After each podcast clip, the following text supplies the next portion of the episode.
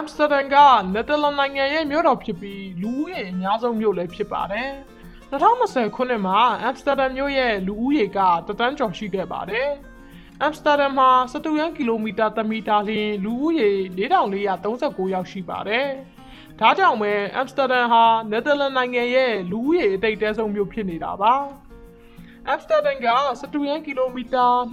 219.3မီတာအကျယ်ဝန်းရှိပါတယ်။ UNESCO ကမ္ဘာ့အမွေအနှစ်နေရာတွေကြောင့်အမ်စတာဒမ်ကို Venice of the North လို့လည်းတင်စားခေါ်ဝေါ်ကြပါသေးတယ်။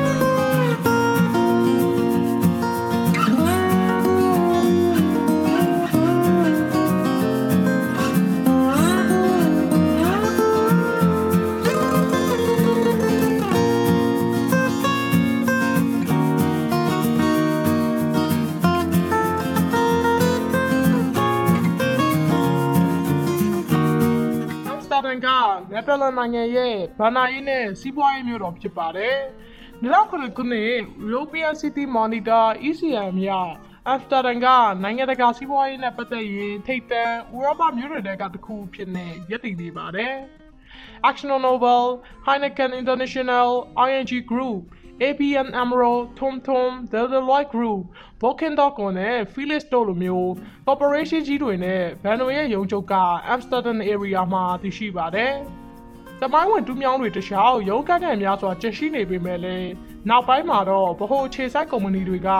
Amsterdam မြို့လယ်ကောင်အပြင်ဘက်သို့ပြောင်းရွှေ့နေရာချထားမှုများပုံမှန်များပြားလာခဲ့ပါတယ်။ဒါကြောင့်မလို့ Zoetis ကအမ်စတာဒမ်ရဲ့ဘာနာရေးနဲ့တရားဝင်စီးပွားရေးအချက်ချာနေရာအသစ်ဖြစ်လာခဲ့ပါတယ်။အမ်စတာဒမ်ရဲ့စီးပွားရေးအချက်ချာနေရာအသစ် Zoetis မှာနယ်သာလန်နိုင်ငံရဲ့အကြီးဆုံးဥပဒေကုမ္ပဏီ၅ခုနဲ့ Boston Consulting Group နဲ့ Accenture တို့လို အတိုင်းအမြံလုပ်ငန်းကြီးတွေရဲ့လုပ်ငန်းခွဲများစွာနဲ့ကမ္ဘာကုန်သွယ်ရေးစင်တာအမ်စတာဒမ်တို့လည်းရှိပါတယ်။အမ်စတာဒမ်မှာ Zoetis အပြင်အသေးစားဗဏ္ဍာရေးခရိုင်၃ခုရှိပါသေးတယ်။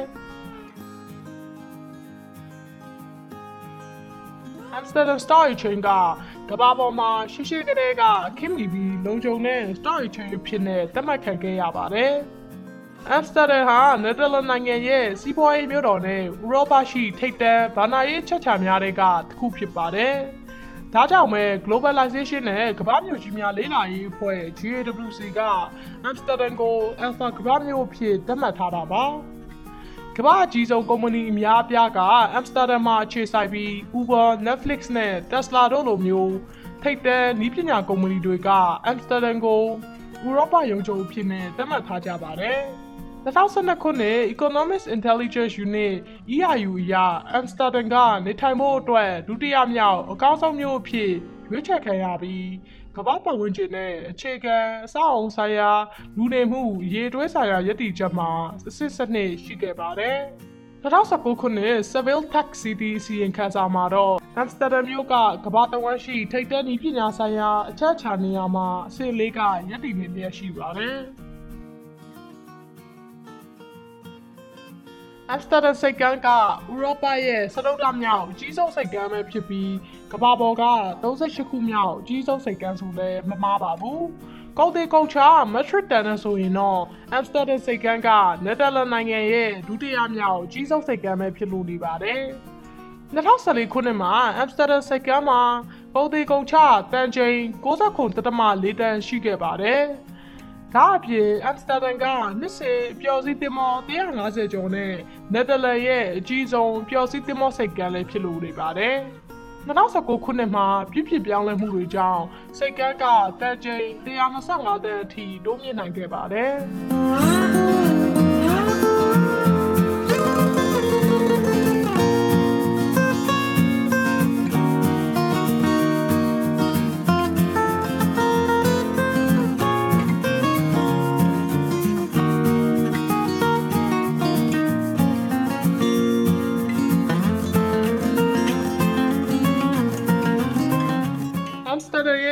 ကလေဆိပ်ဖြစ်တဲ့ရှီဖိုးက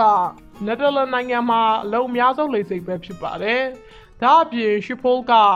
ဥရောပရဲ့တတိယမြောက်အလုံးအများဆုံးလေဆိပ်ဖြစ်တယ်လို့ကမ္ဘာပေါ်မှာ17ခုမြောက်အလုံးအများဆုံးလေဆိပ်လည်းဖြစ်ပါတယ်။ခီးသွွားတွေလာရောက်လည်ပတ်မှုများတဲ့အမ်စတာဒမ်မြို့ဟာနယ်သာလန်ရဲ့ယဉ်ကျေးမှုမြို့တော်လည်းဖြစ်ပါတယ်။အမ်စတာဒမ်ဟာဥရောပရဲ့အကျော်ကြားဆုံးခီးတွားနေရာတွေထဲကတစ်ခုဖြစ်ပါတယ်။ ဘာကြောင့်အဲ့ဒီလိုပြောနိုင်ရတာလဲဆိုတော့နှစ်စဉ်နိုင်ငံတကာခီးတွားဧည့်သည်9.3တန်းကအမ်စတာဒမ်ကိုလာရောက်လည်ပတ်ကြတာကြောင့်ပဲဖြစ်ပါတယ်။ရမအိတ်ပဲလာရောက်ကြသူအရေအတွက်ကတော့တစ်နှစ်လျင်16တန်းခန့်ရှိပါတယ်။လွန်ခဲ့တဲ့ဆယ်စုနှစ်တွေအတွင်းလာရောက်လည်ပတ်သူဦးရေကတဖြည်းဖြည်းနဲ့ပုံမတိုးပွားလာခဲ့ပါတယ်။အဲ့ဒီလိုတိုးလာရတာကလည်းဥရောပကိုလာရောက်လည်ပတ်သူအရေအတွက်တိုးလာတာကြောင့်ပဲဖြစ်ပါတယ်။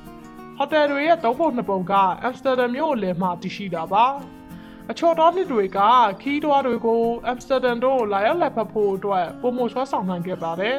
။ Dutch လူမျိုးပကြီးစရာ Rembrandt Berend ရဲ့နှစ်လေးရာပြည့်မွေးနေ့ကိုဂုဏ်ပြုဖို့အတွက် Rembrandt 400လို့သတ်မှတ်ခဲ့တဲ့2006ခုနှစ်မှာလာရောက်လည်ပတ်တဲ့ခီးတွားရည်အတွက်ပုံမများပြားခဲ့ပါတယ်။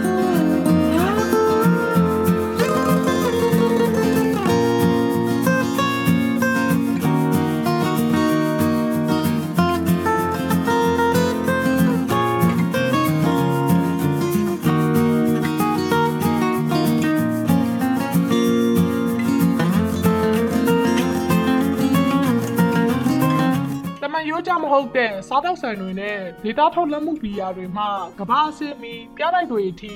အမ်စတာဒမ်ကခီးတွားတွေလာရောက်လက်ပတ်တဲ့ထိပ်တန်းနေရာတစ်ခုဆိုတာကိုချက်လက်ထားလို့တော့မရပါဘူး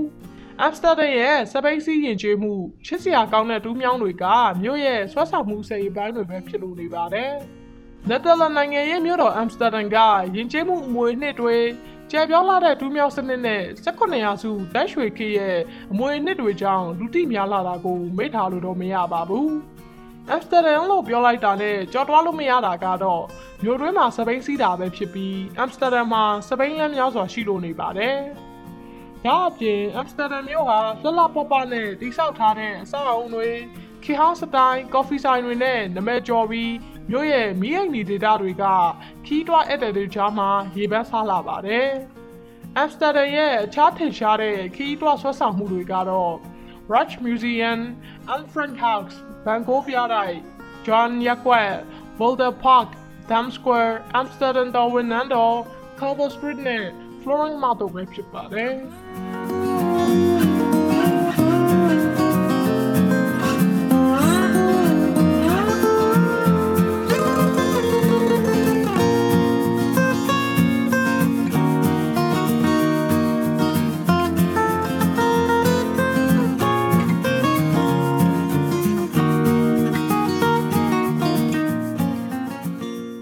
အမ်စတာဒမ်ကလာရောက်လာပတ်တဲ့လူတိုင်းကို18ရာစု Dutch ရွှေခေတ်တို့ပြည်လည်ပို့ဆောင်ပေးနိုင်တဲ့အတွက်အမ်စတာဒမ်မြို့ကို Venice of the North လို့လည်းတင်စားကြတာထူးဆန်းတဲ့ကိစ္စတော့မဟုတ်ပါဘူး။မြို့ပတ်လည်ကိုဗဟိုပြုထားတဲ့ခပတ်တွေလိုအန်အော့ဘွယ်ကောင်းတဲ့ဒူးမြောင်းတွေကျွယ်ဝလာတဲ့အမှုပညာယဉ်ကျေးမှုနဲ့အမ်စတာဒမ်ရဲ့အလှနဲ့အတွင်ပြင်းတွေကြောင့်အမ်စတာဒမ်မြို့ဟာတွားရောက်လည်ပတ်ဖို့အတွက်ထိုက်တန်တဲ့မြို့တစ်မြို့ဖြစ်ပါတယ်။